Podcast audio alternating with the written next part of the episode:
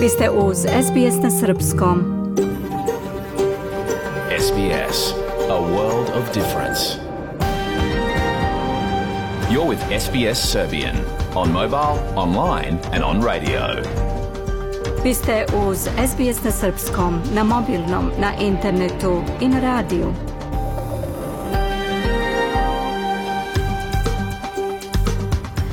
SBS odaje priznanje tradicionalnim vlasnicima zemlje sa koje danas emitujemo program na srpskom. Ovim izražavamo poštovanje prema narodu Vurenđer i Vojvurung, pripadnicima nacije Kulin i njihovim prošlim i sadašnjim starešinama. Također odajemo priznanje tradicionalnim vlasnicima zemlje iz svih aboriđinskih naroda i naroda sa ostrova iz Toresovog Moreuza, sa čije zemlje slušate program. Dobar dan, danas je ponedeljak 20. novembar 324. dan 2023. do kraja godine 41 dan. Ja sam Biljana Ristić. U današnjem programu posle pregleda vesti više o sportskim događajima koji su obeležili vikend.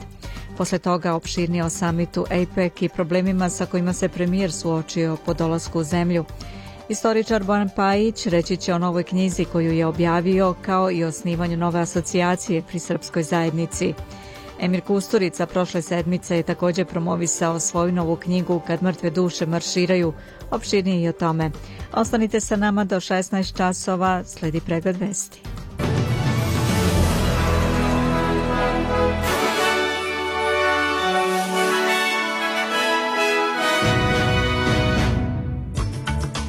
Premijer treba da objasni incident u kojem su ronioci australijske mornarice povređeni sonarnim impulsima sa kineskog razarača. Parlament po hitnom postupku usvojio zakon prema kojem se pušteni iz imigracijonog pritvora mogu suočiti sa pravnim izazovima. Srbija ušla u 18. dan kampanje za lokalne i parlamentarne izbore.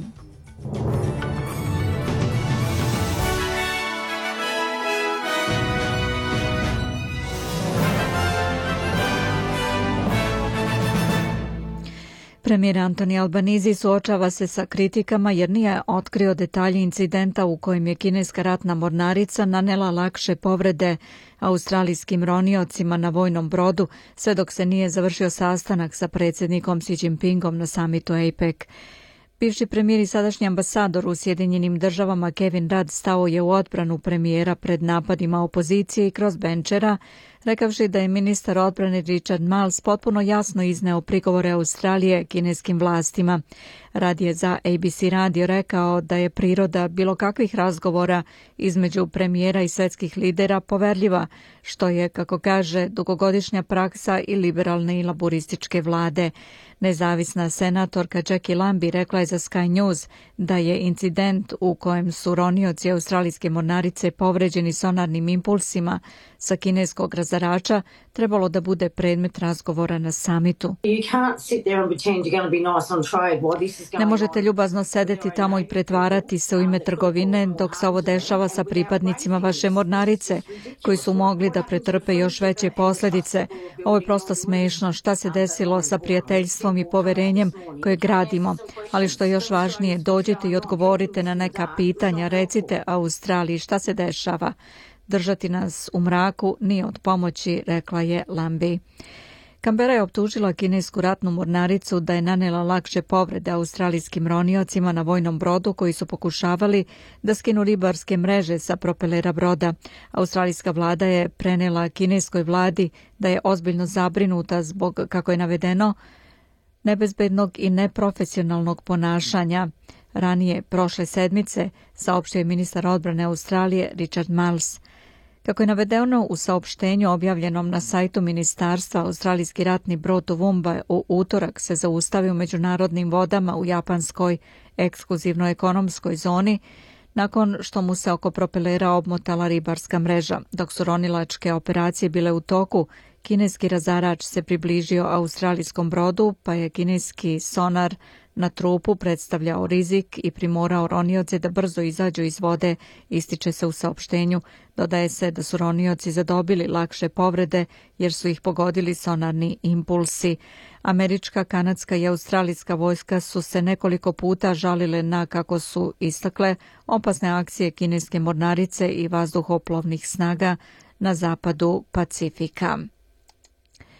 Parlament je po hitnom postupku usvojio zakon prema kojem bi se 93 osobe koje su puštene iz pritvornog imigracionog centra mogle suočiti sa pravnim izazovima.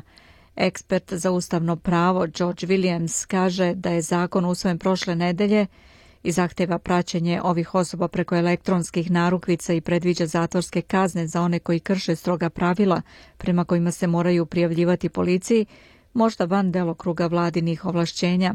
Federalna vlada je ponovo stala u odbranu odluke da ne donosi zakone preodluke Vrhovnog suda koja je rezultirala oslobađanjem migranata od kojih su neki osuđeni za teške zločine, uključujući silovanje i ubistvo. Sa druge strane, senator Barnaby Joyce rekao je za Kanal 7 da je zakon koji je usvojen uz podršku dve stranke nakon amandmana opozicije trebalo da bude donesen pre odluke Višeg suda. Uh, Svi amandmani o kojima ste upravo govorili su amandmani Pitera Datona. Šta se za Boga dešava? Pre šest meseci su dobili upozorenje da se ovo može desiti. Pre šest meseci su nam govorili da mi stojimo na klimavim nogama, ali klimavo tlo se upravo otvorilo, rekao je Barnaby Joyce. Svakom trećem Australijancu budu ukradeni podaci za pristup na digitalne platforme, ali skoro isto toliko ih i dalje koristi izde detalje i to za više naloga. Istraživanje koje su sproveli Google Australija i YouGov i koje je ispitalo više od 1500 odraslih Australijanaca o bezbednosti na digitalnoj mreži, otkriva da je 36% ljudi iskusilo hakovanje lozinke, a 34% koriste iste ili slične lozinke na više naloga. Ovo dolazi nakon što je Australijska uprava za signale otkrila da su izveštaji o kibernetičkom kriminalu porasli za 23% tokom protekle godine, a organizacija sada u proseku šalje online izveštaje o kriminalu svakih šest minuta. Nalazi Google za Australiju također su pokazali da mnogi korisnici interneta nisu znali kako da povećaju svoju bezbednost na mreži, a Australijanci iz generacije Z su prema rezultatima najnemarniji u ovom načinu zaštite. Biće postavljen novi program koji će omogućiti malim preduzećima besplatnu procjenu svojih bezbednostnih mjera na digitalnim platformama. Vlada premijera Albanizija je najavila da će potrošiti 7,2 miliona dolara da ponudi program na dobrovoljnoj osnovi kao deo svoje australijske strategije kibernetičke bezbednosti za period od 23. do 30. godine, ovo dolazi zbog zabrinutosti nakon najnovijeg incidenta sa Optusom koji je doveo do toga da milioni malih preduzeća i klijenata nisu mogli da pristupe internetu ili upućuju pozive kao i zbog kibernetičkog napada zbog kojeg je najveći australijski lučki operator morao da stopira rad. U međuvremenu generalna direktorka Optusa Kelly Bayer Rozmarin dala je ostavku na tu funkciju nakon 18 mjeseci obeleženih kibernetičkim napadom i prekidom komunikacija širom zemlje. Gospođa Bayer Rozmarin koja je danas podnela ostavku nakon što se u petak suočila sa ispitivanjem u Senatu, kaže da je njena odluka u najboljem interesu Optusa. Tokom saslušanja u Senatu, gospođa Kelly Bayer je upitana zašto stotine klijenata Optusa nije moglo da upućuje hitne pozive tokom 12-satnog prekida komunikacija. Ona je rekla da Telekom nije mogao u potpunosti da to istraži zbog složenih odnosa. Glavni financijski direktor Michael Venter će privremeno preuzeti njenu ulogu i istovremeno radeći svoj posao. Slušate SBS na srpskom, pregled vesti, 15 časova 9 minuta je. Nekadašnja prva dama Sjedinjenih država Rosalyn Carter, najbliža savjetnica Jimmya Cartera tokom njegovog mandata kao predsjednika Sjedinjenih država od 1977. do 81. i humanitarna radnica preminula je u 97. godini. Iz Carter centra saopšteno je da je Rosalyn Carter, koja je dugo bolovala od demencije, umrla posle višemesečnog pogoršanja zdravstvenog stanja. Izraelske odbrambene snage saopštile su da je otmica broda u Crvenom moru koju su izveli jemenski huti veoma ozbiljan incident na globalnom nivou. Brod je plovio iz Turske ka Indiji sa međunarodnim civilnim posadom, a među njima nije bilo Izraelaca. Ovo nije izraelski brod, navodi se u saopštenju IDF-a, mada je premijer Netanjahu prethodno rekao da je brod povezan sa jednim izraelskim milijarderom. Mediji na arapskom javili su da su jemenski pobunjenici Huti koji podržava Iran oteli izraelski teretni brod sa 22 člana posade, što je izazvalo zabrinutost u regionu da bi se rat između Hamasa i Izraela mogao proširiti na još jedan front. Huti su saopštili da će i dalje ciljati izraelske brodove sve dok kako je njihov port parol kazao Izrael ne okonča operacije na okupiranim palestinskim teritorijama. U međuvremenu agencije javljaju da je 31 beba evakuisana iz bolnice Al-Shifa stigla u bolnicu Emirates u Rafi. Dve bebe su umrle na putu do bolnice.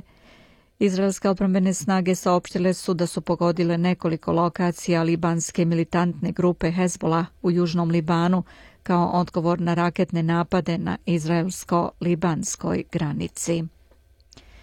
Ukrajinski tinejdžer Bogdan Jermohin, koji je tokom rata odveden u Rusiju iz okupiranog grada Marijopolja, isprečen da napusti zemlju ranije ove godine, vratio se juče u Ukrajinu. Jermohin, koji je juče napunio i 18 godina, apelovao je ovog mjeseca na predsjednika Ukrajine Volodomira Zelenskog da mu pomogne da se vrati u Ukrajinu. Kijev tvrdi da je 20.000 dece ilegalno prebačeno u Rusiju od početka napada Rusije na Ukrajinu 24. februara 22 i da su neka data na usvajanje. Ukrajina smatra da je reč o ratnom zločinu što Rusija demantuje i navodi da je štitilo decu u ratnoj zoni.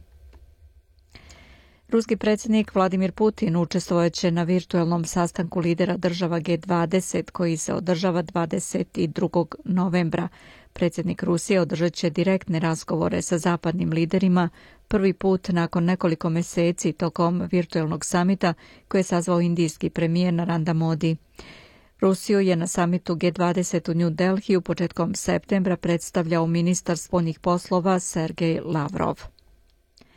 Ultraliberalni ekonomista Javier Milei je novi predsjednik Argentine posle drugog kruga izbora, lider La Libertavanca, koji će stupiti na dužnost 10. decembra, dobio je najmanje 10 postotnih pojena prednosti u odnosu na ministra ekonomije i kandidata levog centra Serhija Masu. Sa 86 od 100 prebrojanih glasačkih listića Milei je dobio 55,95 od 100 glasova naspram Mesinih 44,04 Srbija je ušla u 18. dan kampanje za lokalne i parlamentarne izbore. Republička izborna komisija je do sada proglasila 10 lista. Pokrajinski izbori su raspisani nešto kasnije tako da stranke i na tom nivou sakupljaju potpise. Pokrajinska izborna komisija do sada je proglasila četiri liste. Vanredni parlamentarni izbori raspisani su za 17. decembar. Istog dana bit će održani lokalni izbori u 65 gradova i opština kao i pokrajinski izbori. Albin Kurti kaže da bi sa Beogradom trebalo da postoji poseban sporazum koji bi omogućio srpskoj zajednici na Kosovu i Metohiji da učestvuje na izborima u centralnoj Srbiji zakazanim za 17. decembar. U pismu upućenom šefu misije OEPS-a na Kosovu i Metohiji Michael Davenportu Rekao je da bi zahtev za sporazum o učestvovanju na izborima trebalo da dođe od Beograda kao zainteresovane strane na osnovu, kako navodi, suvereniteta i nezavisnosti Kosova. Europska komisija predložila je da vlasnici srpskih pasoša koje izdaje Koordinaciona uprava za Kosovo i Metohiju mogu od januara bez viza da putuju u zemlje Europske unije Portparol Europske komisije Christian Vigand kaže da je sljedeći korak da predlog razmotre Europski parlament i Savjet Unije. Docent na Fakultetu političkih nauka u Beogradu Stefan Surlić kaže za Radioteleviziju Srbije da bi se na taj način rešio problem Mnogih Srba koji nemaju nikakva dokumenta izdata od strane Prištine, već imaju pasoše izdate od strane koordinacionog tela i da su oni trpeli jednu vrstu diskriminacije svih ovih godina. Prethodno su u Briselu održani pregovori Beograda i Prištine na tehničkom nivou bez očekivanog trilateralnog sastanka. Petar Petković, direktor Kancelarije za Kosovo i Metohiju vladi Srbije, Rekao je da je glavna tema bio nacrt statuta zajednice srpskih opština kao i prvih i konkretnih koraka u njenom formiranju. Međutim, glavni pregovarač Prištine Besnik Beslimi izjavio je da je na sastanku u Briselu sa izaslanikom Evropske unije za dijalog Miroslavom Lajčakom nije razgovarao o nacrtu statuta zajednice srpskih opština, iako je potvrdio da je to bilo na dnevnom redu. Da pogledamo i kolika je vrednost australijskog dolara danas. Prema američkom vredi 65 centi, 60 euro centi, 52 britanska penija i 70 srpskih dinara 18 para. Na kraju ovog bloka da pogledamo i vremensku prognozu. Do kraja dana po glavnim gradovima u Pertu je sunčano vreme 32 Adelaide oblačno sa 24, Melbourne sa povremenim sunčanim periodima 21. Oblačno je u Hobartu sa 19 i u Kamberi sa 24. U Kamberi kasnije se očekuje i kiša. U Sidneju oblačno 26, kiša u Brisbaneu 20. Darwin razvedravanje 32 stepena. Beograd danas tokom dana oblačno do 13 stepeni. Slušali ste pregled vesti na srpskom jeziku za sve najnovije posjetite sbs.com.au kosacrta news.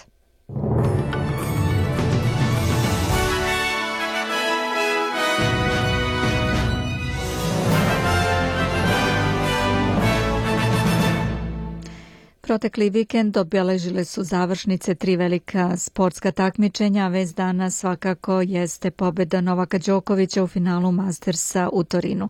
Također Australija je ponovo postala prvak sveta u kriketu, dok se Srbija prvi put posle 24 godine plasirala na Europsko prvenstvo u futbolu. Opširni u pregledu koji je pripremio Branko Cvetojević da čujemo.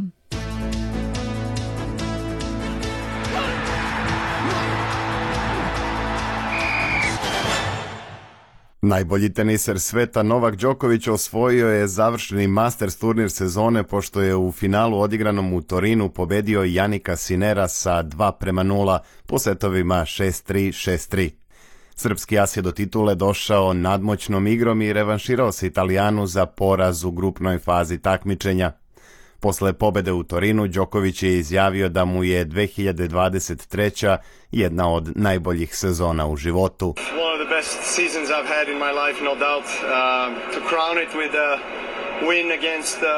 Ovo je poseban moment. Kruna na uspešnu sezonu je pobeda protiv lokalnog heroja Sinera koji je igrao sjajan tenis.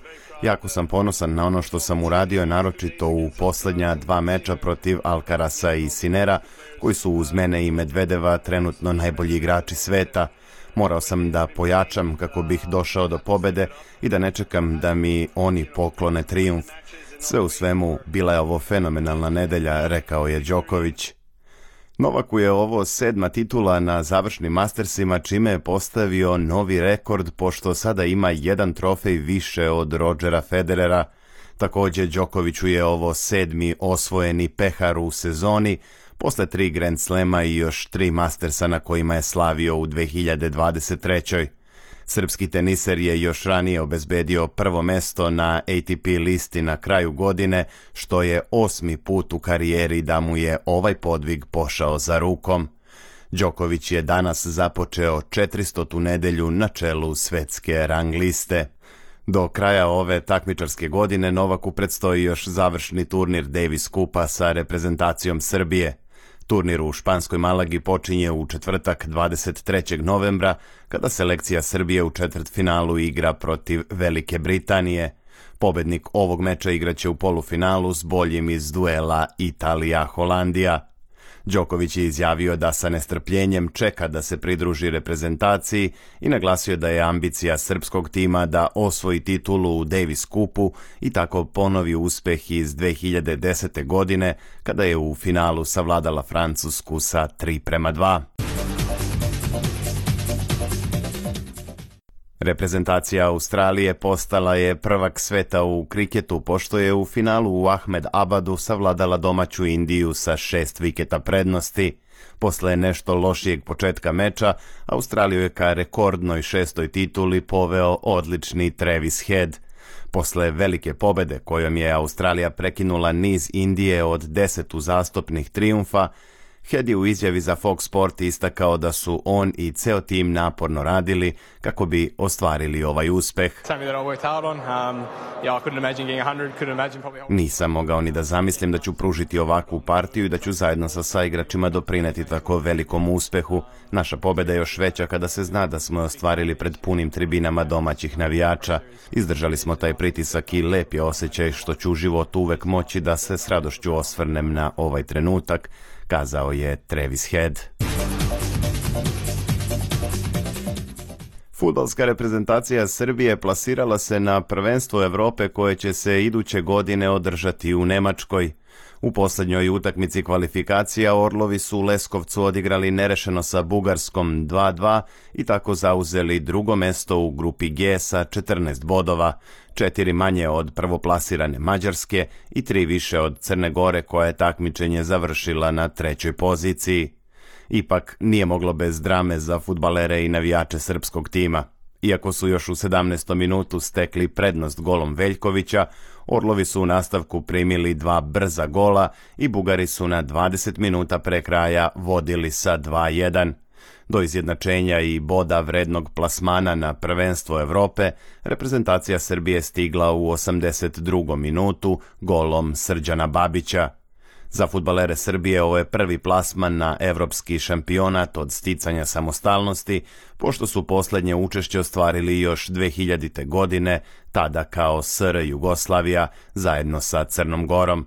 Sadašnji selektor Dragan Stojković Piksi bio je kapiten te selekcije koja je učestvovala na šampionatu u Belgiji i Holandiji.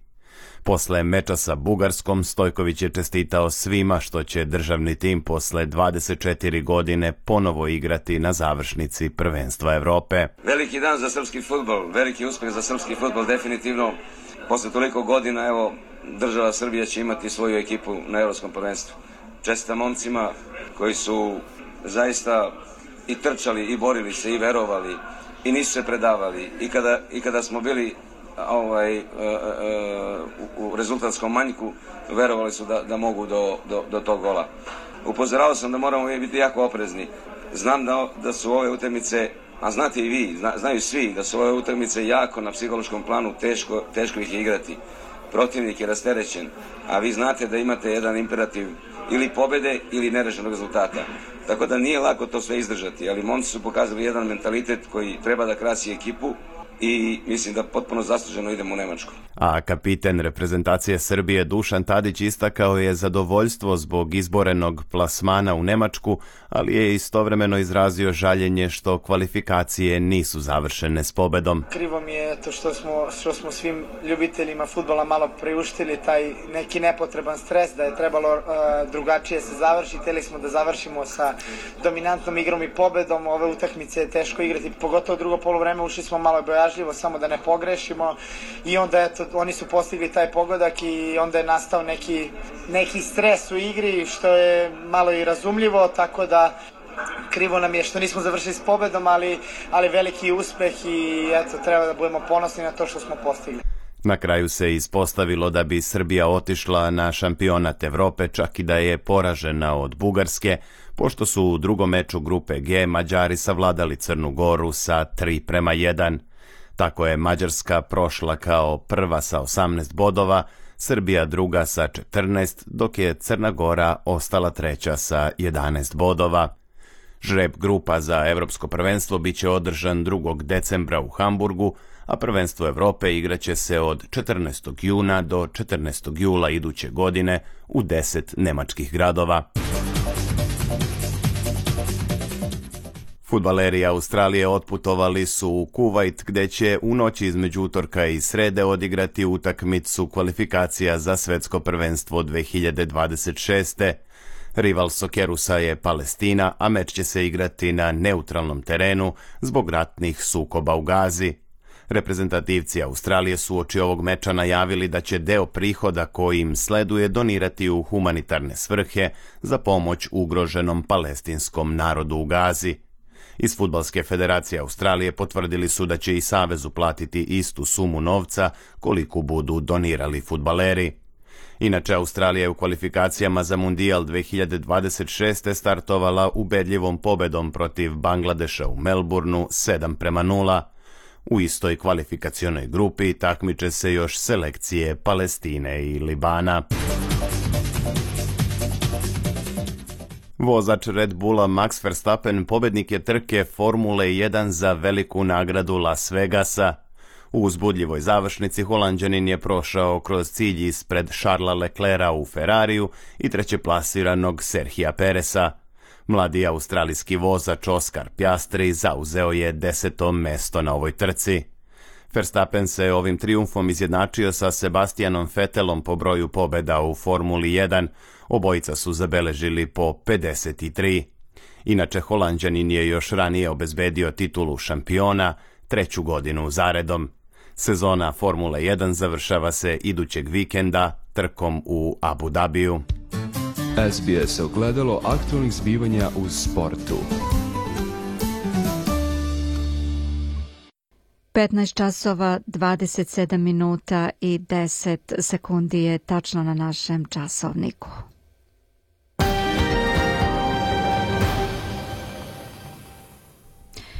Slušate SBS na srpskom, ja sam Biljana Ristić, ostanite sa nama, nastavljamo aktualnom temom. Premijer Antoni Albanizi juče se vratio sa samita APEC i odmah se suočio sa pitanjima o svom sastanku sa kineskim predsjednikom Xi Jinpingom. A apropo incidenta u međunarodnim vodama u japanskoj ekskluzivnoj ekonomskoj zoni, kada je kineska ratna mornarica nanela lakše povrede australijskim roniocima na vojnom brodu koji su pokušavali da skinu ribarske mreže sa propelera broda. Ovi ovaj incident se desio u utorak 14. novembra i povređeno je nekoliko australijskih ronilaca, što je ponovo stavilo na test odnos australijske vlade sa Kinom, pišu Sidney Lang i Raina Bosch za SBS News. Čim se vratio sa diplomatskog puta iz Kalifornije, gdje je američki predsjednik bio domaćin samita APEC, premijer je upitan da li je raspravljao o incidentu na sastanku sa kineskim predsjednikom Xi Jinpingom, kojeg je premijer Albanizi inače opisao kao veoma uspešan. Kako je navedeno u saopštenju objavljenom na sajtu Ministarstva odbrane, australijski ratni brod Tuvumba u utorak se zaustavi u međunarodnim vodama u japanskoj ekskluzivno ekonomskoj zoni nakon što mu se oko propelera obmotala ribarska mreža. Dok su ronilačke operacije bile u toku, uprkos porukama u kojima se od obližnih prodova traži da se klone ronilaca, Kineski razarač se približio australijskom brodu, pa je kineski sonar na trupu predstavljao rizik i primorao ronioce da brzo izađu iz vode, ističe se u saopštenju. Dodaje se da su ronioci zadobili lakše povrede jer su ih pogodili sonarni impulsi sa kineskog razarača. Opozicija postavlja pitanje zašto su detalji incidenta sakrivani pet dana, sve do posle sastanka premijera Albanizija sa predsjednikom Sijem. Ministar unutrašnjih poslova u Senci James Peterson Pokrenuo je ovo pitanje u programu Insiders ABC televizije. I think when it comes to our very complex and important bilateral relationship with the People's Republic of China, Mislim da kada je u pitanju naš veoma složen i važan bilateralni odnos sa Narodnom republikom Kinom, da zaista moramo da posmatramo postupke kineske vlade, a ne samo da slušamo šta govore. Radi se o prilično fundamentalnim stvarima poput ove što je bila aktivna odluka mornarice Narodno osloboda oslobodilačke vojske Kine da se osoblje australijske mornarice dovede u opasnost i nanesu im se povrede, po čemu bi zaista trebalo da sudimo o kineskoj vladi, kaže on. Vršilac dužnosti premijera i ministar odbrane Richard Marles nazvao incident nebezbednim i neprofesionalnim ponašanjem, dok premijer tek treba da se pozabavi tim pitanjem. Gospodin Patterson kaže da je premijer verovatno znao za incident u vreme njegovog sastanka sa Xi Jinpingom na samitu Azijsko-pacifičke ekonomske saradnje. Moramo da znamo da li je premijer ovo pitanje pokrenuo sa Xi Jinpingom ili Wang Yiem kada se sastao sa njima na samitu APEC u San Francisku. On se hvalio dubinom razgovora sa njima tamo. Sigurno je znao i pre nego što je napustio Australiju da se ovaj incident dogodio, kaže Peterson. Također na samitu sporovi oko Južnog Kineskog mora nastavili su da izazivaju zabrinutost oko dalje destabilizacije i potencijalne eskalacije.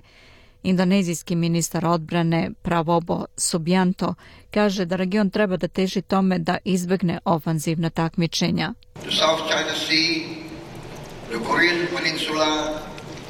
Južno-Kinesko more, Korejsko poluostrovo pitanje Mjanmara ostaju žarišta koja mogu destabilizovati region. Stoga ohrabrujem mirno rešavanje svakog spora i tražim saradnju, a ne ovo ofanzivno takmičenje, rekao je Sobjanto. Još jedan ključni element APEC foruma 2023. bio je zbližavanje u odnosima između Sjedinjenih država i Filipina – pri čemu su dve zemlje potpisale sporazum 123 poznati kao sporazum o mirnoj nuklearnoj saradnji. Sporazum omogućava američkim kompanijama da izvoze nuklearne materijale na Filipine, potez koji rizikuje da dodatno antagonizira Kinu. Kina do sada nije prihvatala pokušaje Japana i Filipina da smanje tenzije oko pitanja međunarodnih voda. Filipinski predsjednik Ferdinand Marcos Mlađi kaže da novi sporazum signalizira pozitivan korak napred za mirno korišćenje nuklearne energije. We see nuclear energy becoming a part of the Philippine energy mix by 2032. Vidimo da nuklearna energija postaje deo filipinskog energetskog miksa do 2032. i bili bismo više nego srećni da nastavimo ovim putem sa Sjedinjenim državama kao jednim od naših partnera. Potpisivanje sporazuma o saradnji između Filipina i Sjedinjenih država u pogledu miroljubive upotrebe nuklearne energije ili sporazum 123 Prvi je veliki korak u tom pogledu, rekao je Markos. I dok su postojali izveštaj o podeli između pacifičkih lidera oko njihovih stavova o Gazi i Ukrajini, grupa je ipak postigla dogovor jer su obećali podršku reformi Svetske trgovinske organizacije, piše Sunila Vašti za SBS News. Američki predsjednik Joe Biden je govoreći u četvrtak na samitu apec u San Francisku priznao da pregovarači nisu uspeli da postignu konsenzus o ključnom stubu prošlogodišnjeg indopacifičkog ekonomskog okvira. As I said yesterday, America's commitment to the Asia Pacific is unwavering on je ipak pozdravio novi ekonomski sporazum između 14 zemalja Azije i Pacifika, čiji je cilj da se suprostavi kineskoj regionalnoj ekonomskoj uh, dominaciji, uh, rekavši da će se dokument koji su lideri potpisali na uh, samitu, koji nije formalni trgovinski sporazum, baviti ključnim pitanjima kao što su budućnost nestašice poluprovodnika, tako što će poboljšati otpornost lanca snabdevanja. Cilj novog pakta navelo je 14 lidera u zajedničkoj izjavi, jeste da promoviše prava radnika, poveća naš kapacitet da sprečimo i reagujemo na poremećaje u lancu snabdevanja, ojačamo našu saradnju na prelasku na čistu ekonomiju, borba protiv korupcije i poboljšanje efikasnosti poreske administracije, kaže se u toj izjavi. Globalna tela poput Međunarodnog monetarnog fonda također su se izjasnila o važnosti samita. Uh, uh, Generalna direktorka fonda Kristalina Georgijeva kaže da je glavni sastanak između uh, gospodina Bajdena i gospodina Sija preko potreban signal da sve treba više da sarađuje posebno pred sljedeći veliki globalni sastanak Ujedinjenih nacija COP28 o klimatskim promjenama. Premijer Antoni Albanizi je zadovoljan što je imao priliku za susrete sa mnogim svjetskim liderima na marginama samita, uključujući predsjednika Kine Xi Jinpinga posljednjeg dana samita. Albanizi kaže da postoji razlog za optimizam jer Kina preduzima ubrzanu reviziju svojih tarifa na australijsko vino nakon njegovog puta u Peking. regards uh, my visit there very successful. On smatra da je moja posjeta tamo bila veoma uspešna. Ponovili smo zadovoljstvo stabilizacijom koja se dešava i naravno naša trgovina je tu važna. Uklanjanje bilo koje od preostalih trgovinskih prepreka je u interesu Australije, kaže Albanizi. Albanizi je pažljivo birao reći na diplomatskom frontu, rekavši da su Sjedinjene države i Kina rešile svoje razlike na marginama APEC-a nakon što je Biden označio kineskog lidera kao diktatora u odgovoru na pitanja medija.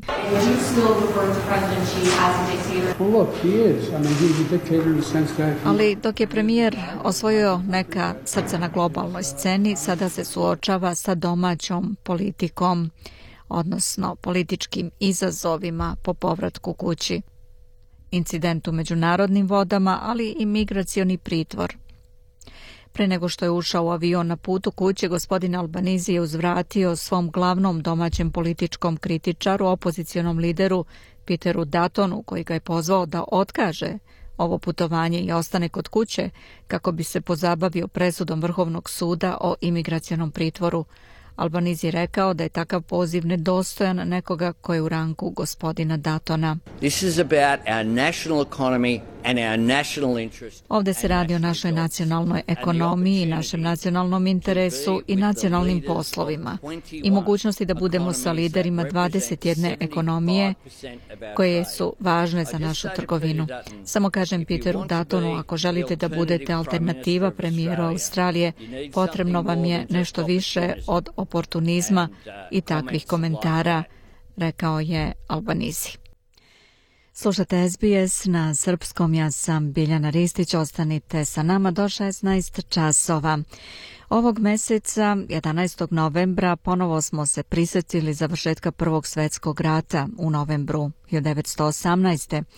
Pa će našim slušalcima koji su zainteresovani za istoriju možda biti interesantno da saznaju da je izdata nova knjiga Bojana Pajića i to u popularnom formatu, takozvani Coffee Table Book – sa sjajnim slikama u boji o Australijancima koji su bili sa Srbima u tom ratu. Priča u pozadini, priča o Srbima u Velikom ratu, ali kroz prizmu umetnika i to većinom stranaca koji su bili savremenici i svedoci tih događaja.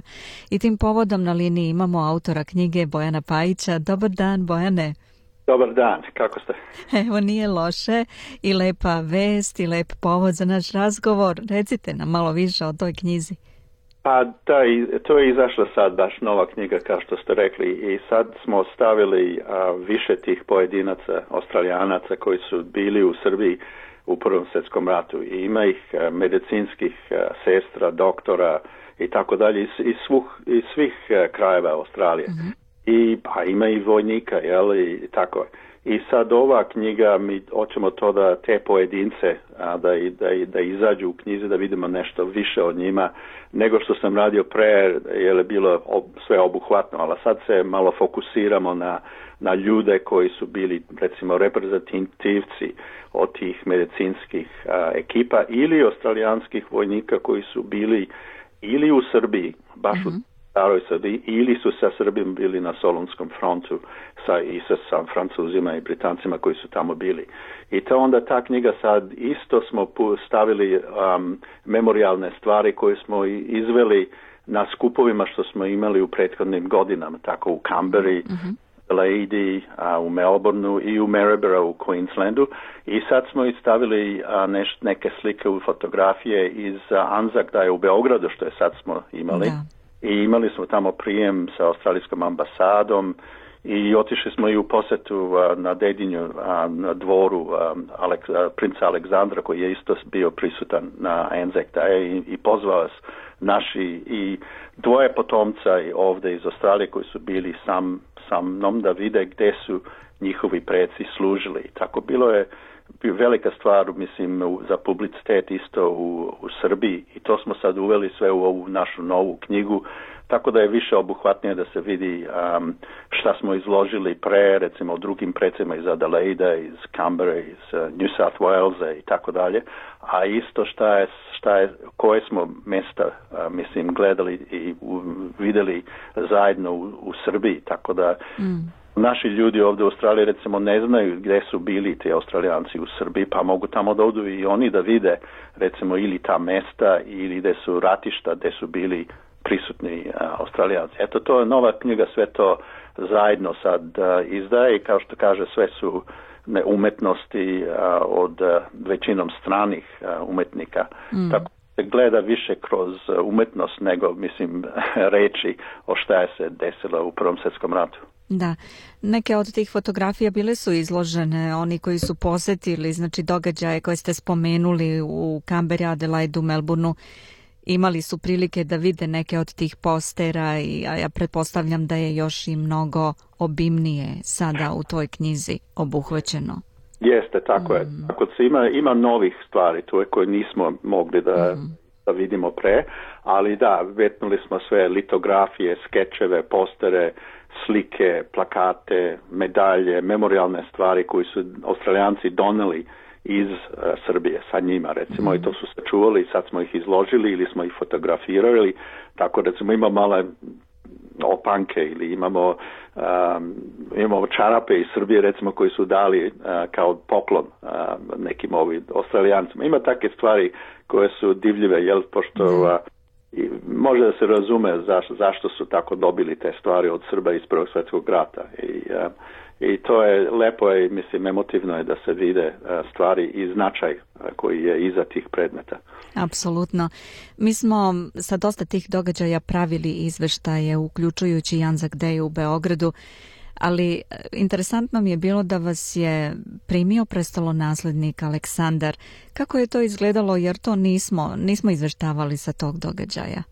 Da, on je, on je bio pozvan da dođe na Anzek, taj od ambasade mhm. Australije.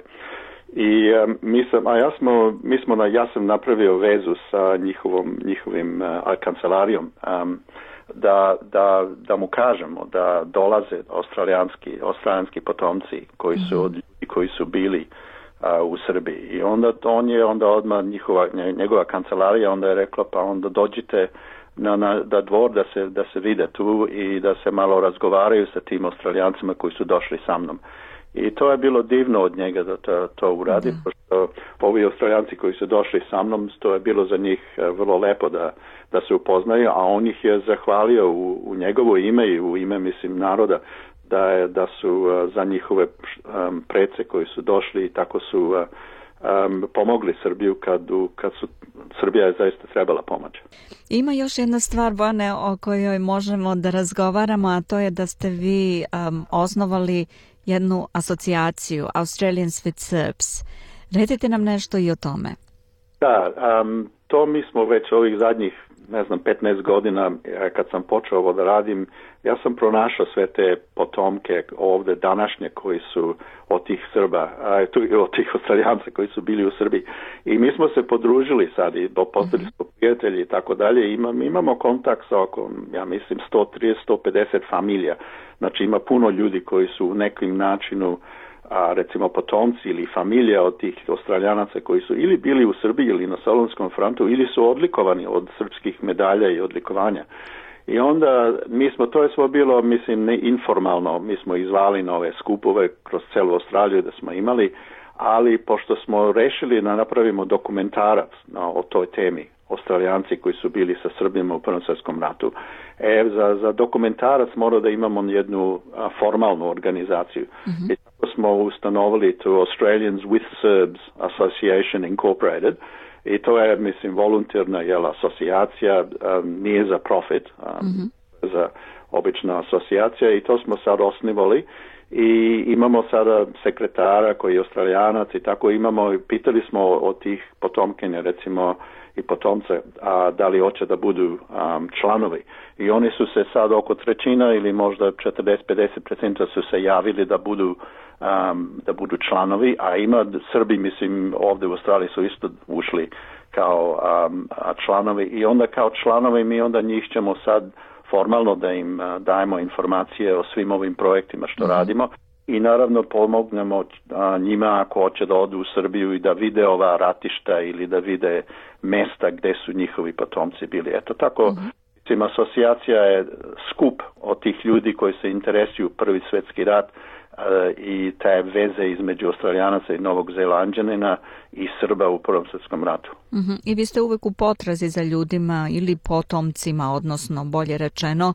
ljudi koji su bili e, sa srpskom vojskom ili na Solunskom frontu ili su bili kao medicinsko osoblje, pa evo i naši slušaoci ako nekada naiđu na nekoga i saznaju da je možda neko od njihovih predaka bio tamo, mogu da vam jave, jel tako? Sada izvanično na asocijaciju, koja vam je email adresa? U, pa to je u stvari ova moja email adresa za sad, svoje je bjpiris, sve jedna reč, at gmail.com. Mhm. um, i da, da, mi, mi pronađemo je ovako svako, svaki put, svake godine nađemo nove e, ljude, recimo e, familije recimo imaju medalje, srpske medalje ne znaju šta su. Da. Da, i recimo dobijemo recimo query, dođu do nas nekako i pitaju nas koja šta je ova medalja, moj deda je to dobio ili tako dalje. I tako ima ljudi koji su isto dobili srpske medalje koji nisu bili u Srbiji, bili su mislim saveznički vojnici koji su bili odlikovani sa srpskim medaljima. I, imaju, iz celog sveta se neki put jave ljudi. Imam jednog australijanca koji je u Irskoj. On mi se javio i kaže ja imam karađorđev krst i hoće da mi kaže Rekao mi je šta je, ja vidim šta je, imamo njegovo ime u moje knjizi, to od njegovog preca koji je dobio, ali on je živi sad u Irskoj i nekako je saznao da, da i to se bavimo s time ovdje u Australiji i onda on nas je kontaktira i pita nas o, tom Karadžođevu zvezdi, šta to znači i tako dalje. Hmm. To je baš dirljivo. I kako napreduje taj dokumentarni film koji ćete snimiti kad e, bi pa trebalo da bude gotov, da li je već krenulo snimanje? Jeste, jeste. Mhm. Mi smo to već krenuli. A, recimo kad smo otišli sad u Srbiju za Anzac Day u aprilu i u maju smo bili tamo, imali smo fotografera tamo, cinematografika sa profesionalno mislim stvar. Tako da smo to snimili ne samo Anzac Day, nego snimili smo posjetu posetu tih mesta i ratišta i mi ćemo to da upotrebimo za dokumentarac. znači bit od nekoliko tih pojedinaca koji su bili reprezentativci tih eh, australijanaca. Um, neki su vojnici, neki su medicinski, eh, medicinske osobe, osoblje i um, napravili smo već intervju sa, sa njima ovdje u Australiji i, i vidjeli i sad imamo taj film kako oni dolaze u Srbiju i gledaju gdje su bili i, i i razumeju šta, šta su njihovi preci radili. I sad to mi radimo. Moji saradnici su Boris Trbić koji se, ja mislim, mnogi ljudi ga znaju i, i, i on, on i Dragan Gavrilović koji prati, taj, radi te dokumentarce. Oni, mi smo to radimo zajedno i sad, sad ćemo da radimo više nekoliko mjeseci, treba još da radimo intervjuz i recimo imamo istoričare koji se, australijski istoričari, mm -hmm. ambasadori, recimo australijski ambasador je, već smo njega intervjuisali u, u Beogradu i, i nadamo se to ćemo da uradimo ovdje sa srpskim ambasadorom. Mm i, imamo recimo glavnih historičara ovdje u, u koji se bave sa vojnom historijom i sa historijom medicine u ratu i oni će da govore o šta je to značilo recimo to učešće Australijanaca sa Srbijom u Prvom svjetskom Tako da dokumentarac mi nađemo, nadam se da će to da završi se iduće godine recimo pola godine tako nešto i onda ćemo to da, da damo kao dokumentarac onima koji to hoće da snime, recimo broadcasting ovde u mhm. Australiji, u Srbiji i u internacionalno ćemo da dajemo kao jedan istoričar, e, istorički e, dokumentarac. Divno. Bojane, hvala mnogo na vremenu koje ste odvojili za ovaj razgovor. Želim vam svaki uspeh u vašem radu i na kraju recite nam kako ljudi mogu saznati više o ovoj knjizi koja je i bila povod za naš razgovor. Pa ona, on, izdavač je baš ovdje u Melbourneu, to je mhm. Australian Scholarly eh, Publishing, mhm. oni su u North Melbourne, to oni se mogu nađu na internetu i telefon i to tako dalje i oni mogu, može da se naruči od njih eh, knjiga. Knjiga se zove na engleskom, ili tako recite? Zove se Australians with Serbs, mhm. World War One. Super. Hvala mnogo još jednom i čujemo se eh, kad god se nešto dešava, jel tako? Dobro, evo, živ Biljana. Prijatno, doviđenja. Moj sagovornik bio je istoričar Bojan Pajić. Povod za naš razgovor, nova knjiga, odnosno Coffee Table Book, sa sjajnim slikama u boji o australijancima koji su bili sa Srbima u Prvom svjetskom ratu. Ja sam Biljana Ristić, slušate SBS na Srpskom.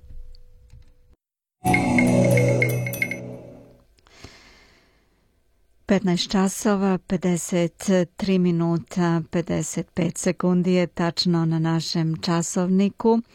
Reditelj Emir Kusturica također je promovisao svoju novu knjigu pod nazivom Kad mrtve duše marširaju u velikoj sali Studenskog kulturnog centra u Beogradu. Sa tog događaja izveštava Hranislav Nikolić. Da čujemo.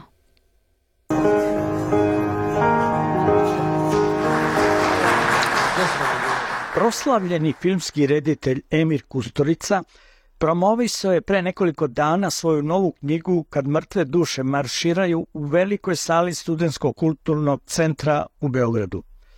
U knjizi eseju na skoro 200 strana filmski reditelj piše o opasnostima četvrte industrijske revolucije i veštačke inteligencije po Srbiju – o ratu u Ukrajini i transhumanizmu, ruskom vladaru i srpskoj šljivovici, ljudskoj duši u digitalnom kavezu, a u knjizi se dotakao i pritvaranja srpskog tenisera Novaka Đokovića u Australiji 2021. godine.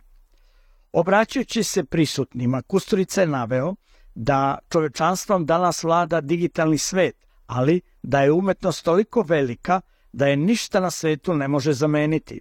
Prema njegovim rečima, u tom smislu sebičnosti i pohlepe neminovno je da nestaju duhovnost i umetnost. Zatim je kazao. Tamo stoji negde da su bioskopska vrata zatvorena, ne sva naravno, ali kako vrijeme odmiče sve će biti više zatvorenih, ne samo zahvaljujući stjenicama, Zavese su navučene, iznenađena i pomalo uprošena mrakom, publika se utišala, sa nadom očekuje da filmska slika pobjedi tamo i zaigra, po platu. Mrak je, kao što znamo, najgušći pred svitanje. To je i posljednja rečenica ovog Pored autora o knjizi su govorili profesor dr. Milo Lompar i direktor izdanja Branimir Nešić, dok je moderatorka bila književnica Vesna Kapor. Publicista i profesor Milo Lompar ocenio je da se nova knjiga Kusturice može definisati kao kulturološki i politički esej, ali je dodao da knjiga posjeduje raznorodne strukture pisanog jezgra, te da politički esej nije celokupan sadržaj knjige. Kusturica pravi vezu sa svojim filmovima, pruža različite dimenzije. On pripoveda zanimljivo i njemu se dopada put kojim pripovedanje ide, a čitavcu daje više raznih rukavaca. Pisac izražava stav prema svetu, pruža svoje opažanja između njega i čitoca, ali i sveta. Knjiga je pozornica na kojoj Emir menja svoje teme, ilustruje višak ideja, a jedna je o krizi humanizma, rekao je Lompar. On je dodao da Kusturica negoje biće hrišćanstva, biće čovječanstva i biće umetnosti. Slavni reditelj je pored knjige Kad mrtve duše marširaju do sada objavio četiri naslova. Roman Smrt je neprovjerena glasina, zbirku pripovedaka Sto jada, knjigu esej Šta mi ovo treba i roman esej o Nobelovcu Peteru Hankeu Vidiš li da ne vidim? Iz Beograda za SBS Hranislav Nikolić. I time završavamo današnji program. Sljedeća emisija na Srpskom je sutra u 15 časova. Pridružite nam se, možete nas također slušati na internetu po pozivu ili uživo ako posjetite adresu sbs.com.au kosacrta srbijen. Također možete nas slušati na telefonom, preuzmite, na, aplikaciju SBS Audio App. Na Facebooku naš profil je SBS Srbijen. A sa vama je danas bila Biljana Ristić. Ja vam želim prijatan ostatak ovog ponedeljka 20. novembra 2023. Doviđenja i do slušanja sutra u 15 časova. Želite da čujete još priča poput ove? Slušajte nas na Apple Podcast, Google Podcast, Spotify ili odakle god slušate podcast.